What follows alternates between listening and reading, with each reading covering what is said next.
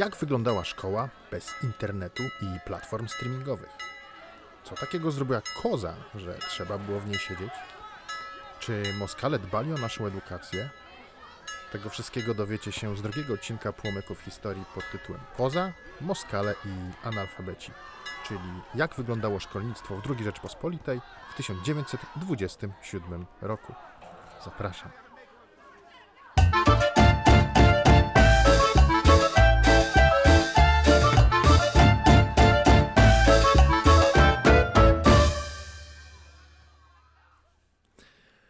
Witajcie. Zapraszam Was do kolejnego spotkania z historią z perspektywy dziecięcego pisma Płomyk. Chciałbym Was dzisiaj przenieść do września 1927 roku. Numer pierwszy Płomyka z 7 września przenosi nas w świat rozpoczęcia kolejnego roku szkolnego. Tak jak to bywa w przypadku tego pisma, cały numer jest poświęcony jednemu motywowi przewodniemu, w tym przypadku końcówce wakacji oraz rozpoczęciu szkoły. Jest tutaj oczywiście wiele wierszyków i czytanek. Y, ja chciałbym jednak skupić się na ciekawostkach historycznych, które rzucają nam światło na obraz rzeczywistości roku 1927. Okazję ku temu daje nam tekst, który za chwilę przeczytam.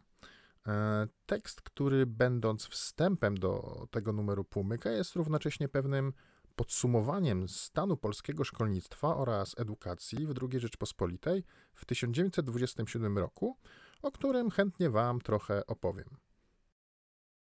Przenieśmy się zatem w 1927 rok i wyobraźmy sobie, jak musiało wyglądać nauczanie prawie 100 lat temu. Potem przytoczę Wam relacje z pokazów gimnastycznych w jednej ze szkół w Warszawie, przeniesiemy się na chwilę do Bydgoszczy na odsłonięcie pomnika Henryka Sienkiewicza oraz posłuchamy, co w owym czasie ciekawego działo się na świecie, co mogło być ciekawym dla dzieci. I tu wrócimy na chwilę do tematu pierwszego odcinka, czyli do murzynów.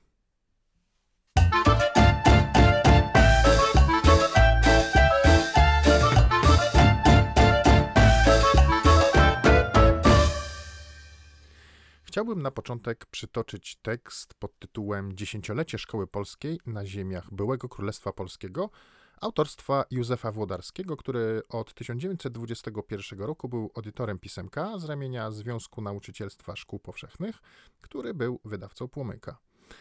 E, wsłuchując się w treść, zwróćcie uwagę na przepiękną, niespotykaną już dzisiaj formę języka polskiego, sformułowania, określenia, mm, retorykę. Dla mnie to jest chyba najpiękniejsze w tym wszystkim, najbardziej fascynujące.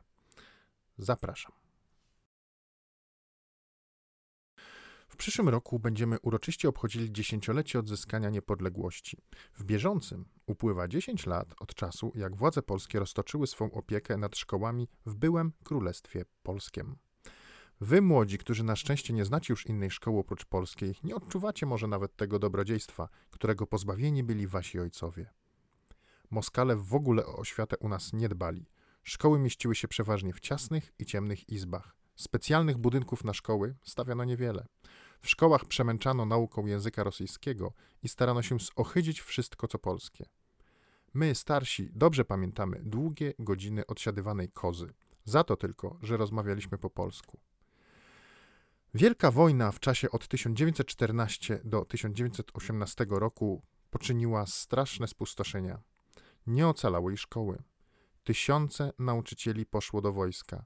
Budynki szkolne legły w gruzach, a w większych ocalałych urządzano szpitale wojskowe. Niemcy i Austriacy, którzy zajęli podczas wojny ziemię Królestwa Polskiego, więcej wykazali od Moskali zrozumienia dla oświaty. Zaczęto urządzać biedne i lichuteńkie szkółki. Powstało ich wkrótce więcej niż za czasów przedwojennych ale zarówno Niemcy, jak i Austriacy czuli, że niedługo ich panowania na tych ziemiach i pozwolili samym Polakom troszczyć się o szkoły. W ciężkich czasach przed 10 laty rozpoczęły się w szkolnictwie rządy polskie. Brak izb szkolnych, brak odpowiednich nauczycieli, brak książek i pomocy naukowych, głód i nędza wśród dzieci i rodziców ogromnie utrudniały pracę oświatową. Jakże jest po 10 latach? Czy dużo się zmieniło? Czy dużo mamy jeszcze do zrobienia? Przed wojną na ziemiach Królestwa Polskiego uczyło się około 450 tysięcy dzieci. Obecnie na tej samej przestrzeni uczy się przeszło 1,5 miliona. Nauczycieli jest dość. Ma, małe jednoklasowe szkoły przekształcały się na wielkoklasowe, bo w nich więcej można się nauczyć. Książek do nauki też nie brak. Z wielu otrzymywanych od Was listów i listów nauczycieli wiemy, że przeważnie rzetelnie pracujecie nad nauką i bardzo kochacie swoje szkoły. Nie mamy dokładnych liczb dla całego królestwa, o ile zmieniło się na lepsze, ale porównajcie tylko, jak się zmieniło w stolicy Polski, w samej Warszawie, a domyślicie się reszty. Oto macie dwa szeregi liczb odnoszących się do szkół powszechnych. Przed wojną w Warszawie było 80 szkół, wtem szkół pełnych wieloklasowych 18. W szkołach tych uczyło się uczniów i uczennic 21 600. Specjalnych budynków dla szkół było dwie, dwa. Obecnie jest, yy, czyli w 1927 roku, 171 szkół, wtem szkół pełnych wieloklasowych 118, uczniów i uczennic 71 800 oraz specjalnych budynków dla szkół 26. Z tych liczb widać, że władze polskie nie tylko troszczą się o powiększenie liczby szkół, ale też dbają o to, aby szkoły te były jak najlepsze, siedmioklasowe. Przed wojną miała Warszawa na 80 szkół tylko 18 pełnych sześcioklasowych, reszta przeważnie jednoklasowe. Obecnie na 171 szkół pełnych siedmioklasowych wypada 118, a pozostałe są to sześcioklasowe lub pięcioklasowych. Jednoklasowych już nie ma. Z liczb powyższych widać, jak Moskale mało dbali o budynki szkolne. Warszawa, która i przed wojną liczyła prawie milion mieszkańców, miała tylko dwa specjalnie wybudowane na szkoły powszechne gmachy, reszta szkół mieściła się w ciasnych i brzydkich, prywatnie wynajętych izbach. Z tymi budynkami szkolnymi jest jednak największy kłopot, bo choć już teraz zbudowano w Warszawie sporo i ciągle się jeszcze budują, wszystko to za mało. Mało nie tylko w Warszawie, ale na całym obszarze byłego zaboru rosyjskiego. Wprawdzie sporo budynków szkolnych postawiono w tej dzielnicy już po wojnie i tysiące dzieci rozkoszuje się w ślicznych, jasnych salach, ale jeszcze tysiące wzdycha tylko do tej myśli, kiedy to i one nareszcie będą miały własną piękną szkołę. Przez te ostatnie 10 lat nie tylko o szkołach trzeba było myśleć. Polska musiała zwalczyć i wypędzić potężnego wroga, który w lecie 1920 roku stanął pod murami stolicy.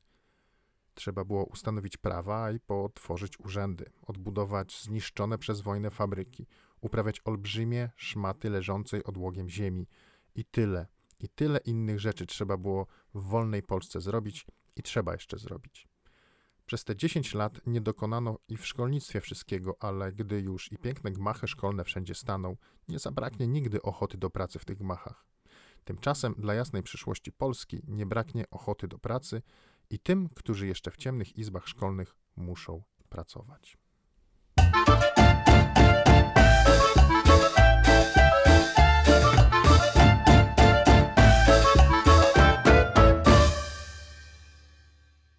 Przyjrzyjmy się co ciekawszym fragmentom, bo poza fascynującymi, przynajmniej dla mnie, e, językiem i formami retorycznymi właściwymi dla tamtych czasów, możemy się dowiedzieć bardzo wielu ciekawych rzeczy na temat właśnie szkolnictwa. A wszystko to z pisemka skierowanego do dzieci.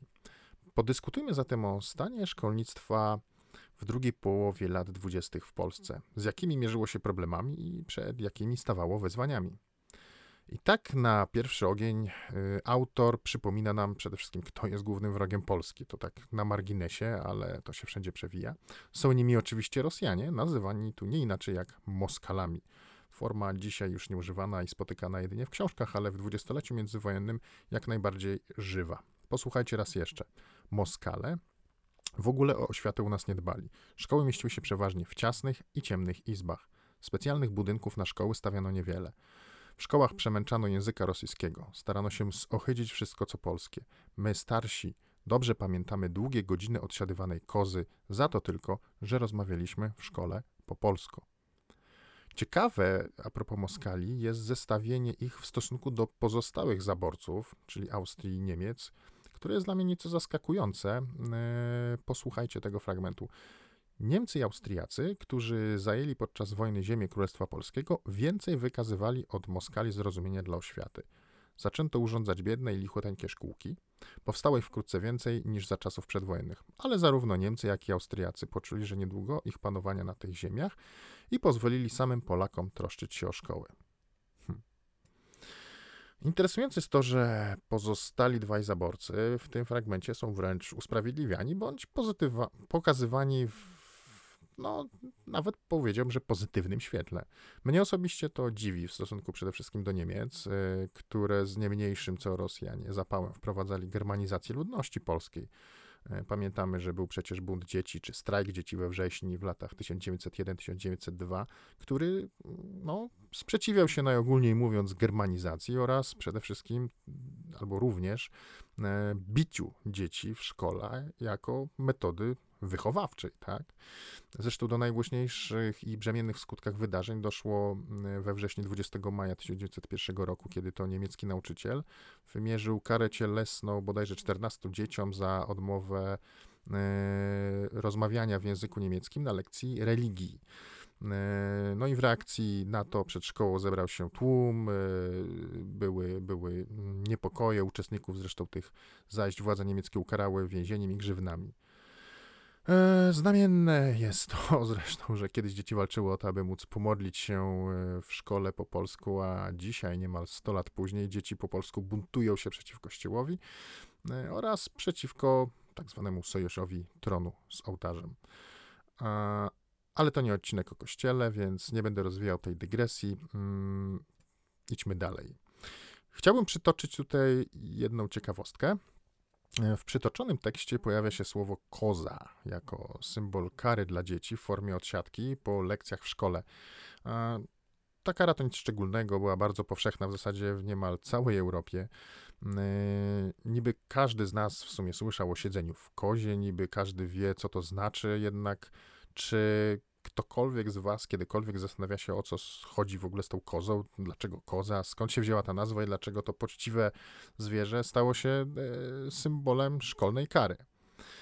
Przyznam, że sam się nieraz zastanawiałem i przy okazji tworzenia tego odcinka postanowiłem temat nieco zgłębić. E, Wyjaśnienie wydało mi się tak oczywiste i banalne, że aż się zdziwiłem, że sam na to nie wpadłem. Dla tych jednak, którzy są tak jak ja ciekawi, a jednocześnie zbyt leniwi, by zgłębić temat, wyjaśniam. Otóż koza. Koza to nie powinno być tak naprawdę koza, tylko kloza. Wyraz koza pochodzi z łacińskiej formy klauza, czyli zamknięcie. No, mamy to zresztą w języku niemieckim klause czy angielskim close. E, notabene ten sam wywód na rzeczownik y, ma, ma rzeczownik closet, y, powstały z angielskiego wyrażenia water closet, czyli WC, czyli dosłownie małe pomieszczenie z wodą. Ale tak już się to jakoś ułożyło, że koza wyewaluowała tak, że stała się synonimem klasowej odsiadki, a nie wizyty w kiblu.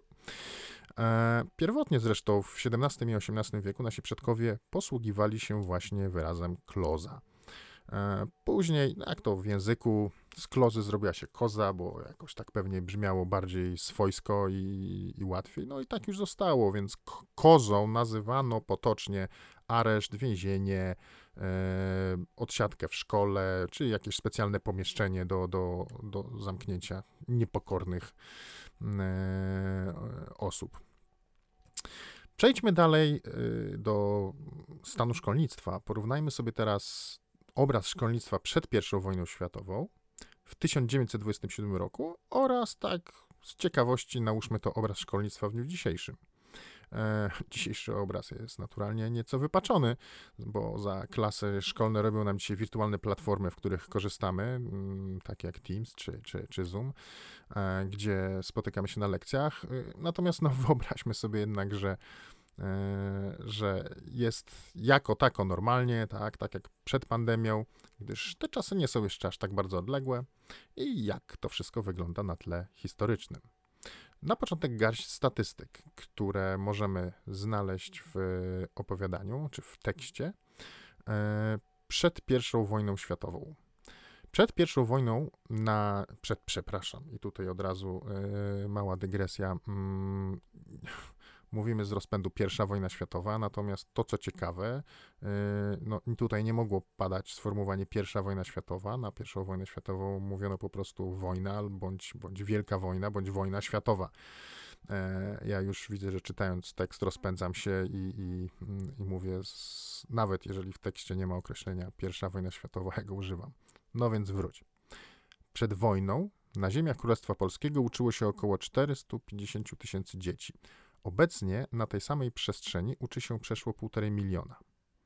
Przed wojną, czyli do 1914 roku, Królestwo Polskie miało powierzchnię 128,5 tysiąca kilometrów kwadratowych oraz zaludnienie nieco ponad 12 milionów. W 1927 roku, czyli z okresu, kiedy jest ten tekst, Rzeczpospolita miała powierzchnię 380 tysięcy, 387 tysięcy kilometrów kwadratowych powierzchni oraz ludności przyjmijmy na poziomie, i tutaj to jest moje przypuszczenie, około 30 milionów. Mówię przyjmijmy, bo trudno to oszacować. Według spisu powszechnego z 1921 roku Polska zamieszkiwało nieco ponad 27 milionów mieszkańców. Kolejny spis miał miejsce w 1931 roku i ukazał on, że w Polsce mieszkało nieco ponad 32 miliony obywateli. Przyjmijmy sobie za to jakąś średnią. Ja przyjmuję, że to było około 30 milionów. Czyli te liczby pokazują nam, że pomiędzy wspomnianymi okresami czasu, czyli pomiędzy okresem od I wojny światowej e, a 27 rokiem, nastąpiło niemal symetryczne potrujenie zarówno powierzchni kraju, jak i ludności oraz ilości dzieci w szkołach.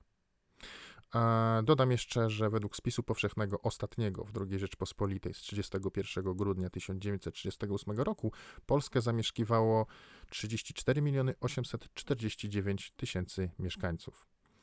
Idźmy dalej. Zatrzymajmy się jeszcze na chwilę przy ciekawostkach statystycznych. Y, porównajmy analogicznie ilość szkół oraz uczniów w Warszawie, gdyż jest ona przytoczona jako przykład rozwoju poziomu edukacji w okresie podsumowującym te dziesięciolecie szkolnictwa polskiego na ziemiach polskich.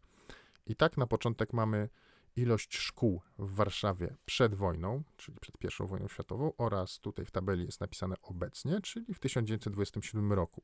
Czyli porównajmy najpierw ilość szkół.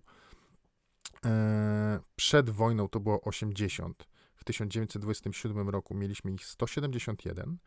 Szkół wieloklasowych, o których była mowa w tekście, było przed wojną jedynie 18 w 1927 roku było ich już 118, czyli o 100 szkół więcej. Uczniów i uczennic uczyło się przed wojną 21 600 uczniów. W 1927 roku mieliśmy już 71 800 i specjalnych budynków dla szkół, czyli to, co było chyba największym problemem przed, e, czy na ziemiach byłego Królestwa Polskiego e, w Warszawie były jedynie dwie szkoły, tak? Budynki nominalnie postawione dla, dla szkolnictwa. W 1927 roku tych szkół było już 26. E, obecnie na przykład w Warszawie mamy 214 szkół podstawowych, których uczy, w których uczy się około 127 tysięcy dzieci. E, godne uwagi jest to, że powyższe liczby odnoszą się do okresu 1914, czyli przed wojną, 1927, a w zasadzie powinniśmy mówić 1918-27, gdyż przytoczone dane są sprzed wojny a polskie szkolnictwo działało od 1918 roku mniej więcej, 1917-18. E, widać zatem imponujący wzrost zarówno w ilości szkół, jak i w ilości samych uczniów i to w niecałe 10 lat. Porównajmy e, te dane z obecnymi danymi z Warszawy. Obecnie w Warszawie mamy 214 szkół podstawowych, w których uczy się 127 tysięcy dzieci, czyli mamy raptem 43 szkoły więcej niż w 1927 roku oraz około 55 tysięcy więcej uczniów. Samo miasto natomiast powiększyło się ponad dwukrotnie, jeśli chodzi o liczbę mieszkańców. E, patrząc zatem na powyższe dane, trudno się nie oprzeć wrażeniu ogromu pracy, jakie włożono w szkolnictwo i w edukację w odradzającej się Rzeczpospolitej, tak? czy jak ci drugiej Rzeczpospolitej. Poniekąd mówi o tym kolejny fragment, który chciałbym jeszcze raz przytoczyć. Z liczb powyższych też widać, jak Moskale mało dbali o budynki szkolne. Warszawa, której przed wojną liczyła prawie milion mieszkańców, miała tylko dwa specjalnie wybudowane na szkoły powszechne gmachy. Reszta szkół mieściła się w ciasnych i brzydkich, prywatnie wynajętych izbach. E, widzimy tutaj obraz odradzającego się właśnie szkolnictwa. Po raz kolejny również wybrzmiewają dobitnie echa rusyfikacji. E, przy okazji zresztą dowiadujemy się nieco więcej o ilości szkół w Warszawie przed I wojną światową, o czym przed chwilą wspominałem. E, ale również autor nakreśla nam sytuację ówczesną szkolnictwa, które nadal zmagało się z trudnościami, głównie lokalowymi. I dalej jakby usprawiedliwia, e, z czego się ówczesny stan rzeczy wziął. Cytuję: Przez te ostatnie 10 lat nie tylko o szkołach trzeba było myśleć. Polska musiała zwalczyć i wypędzić potężnego wroga, który w lecie 1920 roku stanął pod murami stolicy. Trzeba było ustanowić prawa i potworzyć urzędy, odbudować zniszczone przez wojnę fabryki, uprawić olbrzymie szmaty leżącej odłogiem ziemi i tyle, tyle innych rzeczy trzeba było w wolnej Polsce i trzeba jeszcze zrobić. Czyli kolejny raz autor prezentuje nam e, Moskali jako największego wroga Polski. E, co rzecz jasna w świetle wojny polsko-bolszewickiej wydaje się być dosyć naturalne e, oraz przedstawia nam naturalne problemy gospodarcze kraju podnoszącego się z trudów e, zaborów, tak, 123-letnich zaborów oraz trudów zarówno I wojny światowej, jak i wojny polsko-bolszewickiej. Autor nie wspomina nam jednak o największym wyzwaniu, z jakim musiało się zmierzyć szkolnictwo w II Rzeczpospolitej, a mianowicie z analfabetyzmem. W dzisiejszych czasach to jest nie do pomyślenia, ale w dwudziestoleciu międzywojennym, oprócz problemów, o których mówiłem wcześniej, największym wyzwaniem było wykształcenie ludności, przynajmniej w zakresie podstawowych umiejętności, czyli czytania i pisania. W 1914 roku, a więc w roku wybuchu I wojny światowej na ziemiach Królestwa Polskiego, analfabeci stanowili 57% społeczeństwa. 57%. Po wojnie szacuje się, że w 1921 roku odsetek osób niepotrafiących czytać i pisać wynosił 33%, a w 1931 nadal 23%. Jak spojrzymy sobie na mapę, yy, można ją yy, sobie wygooglować, yy, to tradycyjnie wygląda to mniej więcej w ten sposób, że im bardziej na wschód, tym było gorzej. Tak? W 1931 roku w Wielkopolsce analfabetyzm był na poziomie maksimum 5%, ale już na pograniczu województw wołyńskiego i poleskiego wynosił on nadal ponad 55%. To jest ponad połowa społeczeństwa była niepiśmienna, nie pisała i nie czytała. Z tym problemem e, zmagano się przez bardzo wiele lat. W II Rzeczpospolitej do wybuchu wojny nie udało się e, zlikwidować tego problemu, e, choć bardzo się starano. Masową likwidację analfabetyzmu zawdzięczamy dopiero władzy ludowej, ponieważ akcja kierowana przez Departament Oświaty i Kultury Dorosłych przy pomocy mm, Ludowego Wojska Polskiego e, wymusiła obowiązkowe nauczanie dorosłych, mm, analfabetów i półanalfabetów. To było określone na, mm, na przedział wiekowy od 14 do 50 roku życia. E, I dzięki temu w 1952 roku triumfalnie ogłoszono koniec analfabetyzmu w Polsce, chociaż szacuje się, że w 1978 roku w Polsce żyło około 0,9% analfabetów i wtórnych analfabetów. Dla mnie nie do pomyślenia, jak mam być szczery, że w 1978 roku nadal y, byli jacyś analfabeci.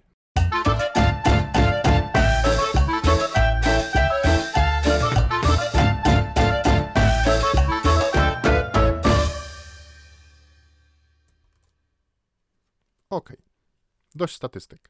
Chciałbym Wam teraz przeczytać relację z zawodów sportowych w jednej ze szkół w Warszawie.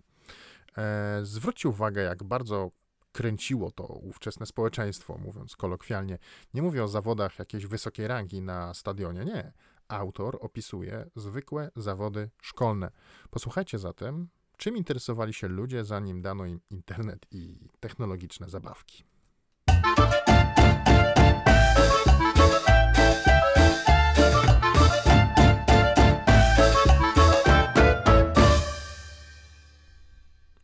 Pokaz gimnastyczny.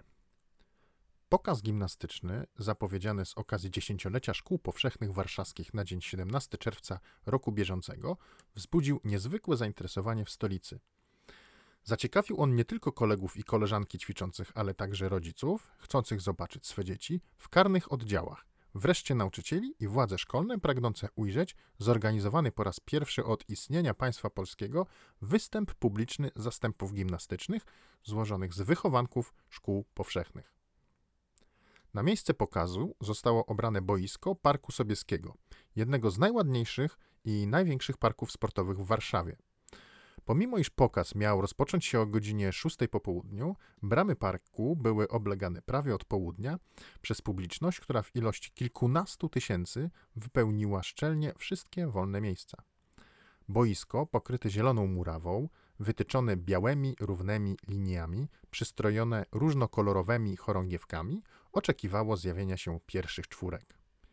Wreszcie, punktualnie o godzinie szóstej, w takt podany przez orkiestrę, weszły zastępy dziewcząt i chłopców w kolumnie czwórkowej.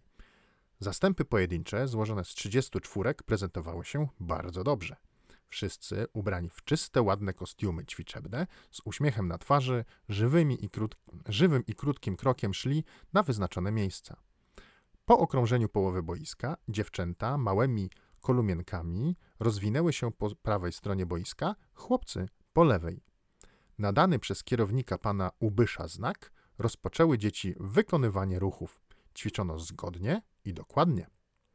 Po ćwiczeniach wstępnych rozpoczęto główne, w których najwięcej ożywienia wprowadziła gra wyścig piłek górą w szeregach. Pierwsza skończyła powyższą grę jedna ze szkół miejskich, na cześć której zorganizowano rakietę. Z dalszych ćwiczeń najwięcej podobały się publiczności karły i olbrzymy, biegi i skoki. Po wykonaniu ruchów końcowych zestawiono kolumny i w prawidłowych odstępach przy dźwiękach orkiestry przedefilowały dzieci przed władzami szkolnymi i widzami. Dziarska postawa, uśmiechnięta twarz, wyrównane czwórki i zgodny krok zwiększyły entuzjazm i zadowolenie licznej publiczności. Nic dziwnego, iż żegnano oddalające się oddziały długo niemilknącymi oklaskami.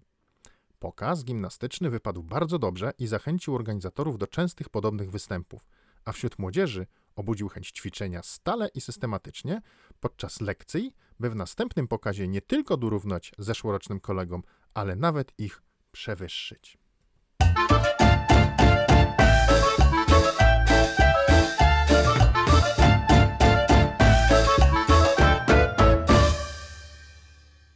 Piękne.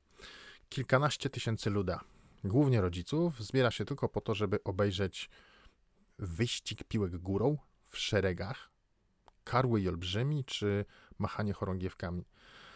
E, domyślam się, że atmosfera była piknikowa, rywalizacja zawzięta i co najważniejsze, ludzie całymi rodzinami spędzali fajnie czas. Potem pewnie poszli coś zjeść i na spacer. Tymczasem chciałbym Was przenieść teraz do Bydgoszczy, gdzie bardzo uroczyście dokonano odsłonięcia pomnika Henryka Sienkiewicza. Przyznam szczerze, że po lekturze tego tekstu byłem nieco zaskoczony. Okazuje się bowiem, że to był pierwszy odsłonięty pomnik Henryka Sienkiewicza w Polsce.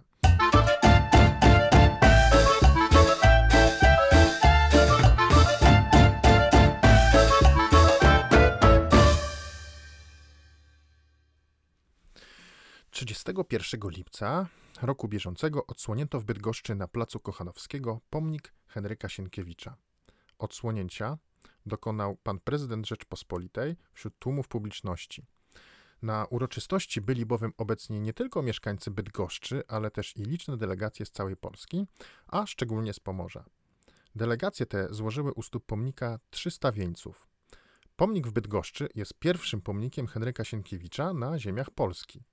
Jak widzicie z fotografii, przedstawiam postać wielkiego pisarza stojąca, stojącą na wysokim cokole wśród dwóch orłów skalnych. Twórcą pomnika jest profesor Krakowskiej Akademii Sztuk Pięknych pan Konstanty Laszczka, który już w roku 1890 dzięki swemu wielkiemu talentowi uzyskał od Towarzystwa Zachęty do Sztuk Pięknych stypendium, by móc prowadzić studia za granicą. Po powrocie z zagranicy uczył, ale i sam tworzył – Wykonał przez ten czas blisko 100 dzieł sztuki wielkiej wartości artystycznej. Czyli, tak jak wspominałem, bardzo podniosła uroczystość z udziałem prezydenta e, Rzeczpospolitej i licznych delegacji. Interesujący tekst. Na koniec przytoczę krótkie notki prasowe z kolumny z bliska i z daleka, która przybliża nam ciekawostki z kraju i ze świata. Posłuchajcie.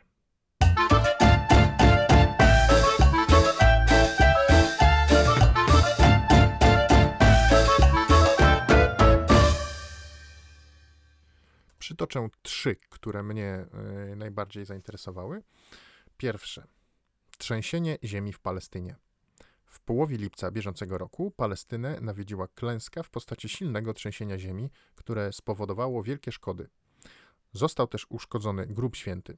Podczas trzęsienia ziemi zginęło wiele ludzi, przy czym w samej Jerozolimie przeszło 300 osób.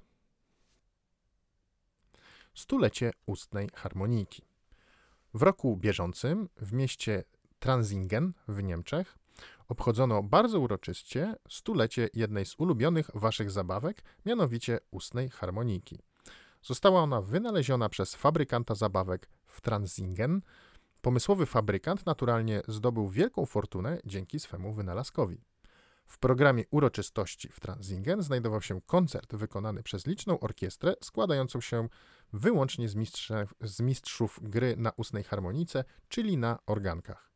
Bardzo ciekawa rzecz. Sam lubię rzępolić na harmonice i przygrywać sobie do gitary, więc czegoś ciekawego się nauczyłem i dowiedziałem z płomyka roku 1927, czyli 1827 wynalezienie harmoniki ustnej, czyli tak zwane organki.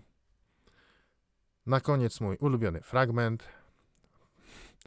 Coś, co dzisiaj byłoby nie do pomyślenia, ale w tamtych czasach było normalne. Istniała segregacja rasowa, a słowo murzyn nikogo absolutnie nie dziwiło. Posłuchajcie.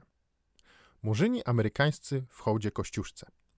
Radny miasta Chicago w Stanach Zjednoczonych, pan Stanisław Adamkiewicz, złożył w imieniu Murzynów z Chicago, dobrze, że chociaż Murzynów z dużej litery, złożył w imieniu Murzynów z Chicago wieniec na grobie Kościuszki na Wawelu z napisem – od przedstawicieli murzyńskiej rasy w Chicago naszemu bohaterowi Kościuszce, założycielowi demokracji.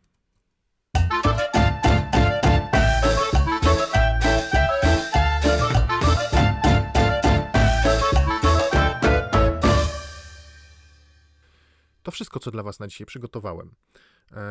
Dziękuję zwłaszcza tym, którzy dobrnęli do końca. Mm, do usłyszenia w kolejnym odcinku. Obiecuję tym razem przygotowywać się regularnie. Mam nadzieję, że Wam się podobało. Mm, zachęcam do subskrybowania kanału, mm, komentowania. Jestem otwarty na Wasze e, wszelkie sugestie i opinie. E, tak więc już dziś zapraszam Was do kolejnego odcinka. Do usłyszenia. Cześć.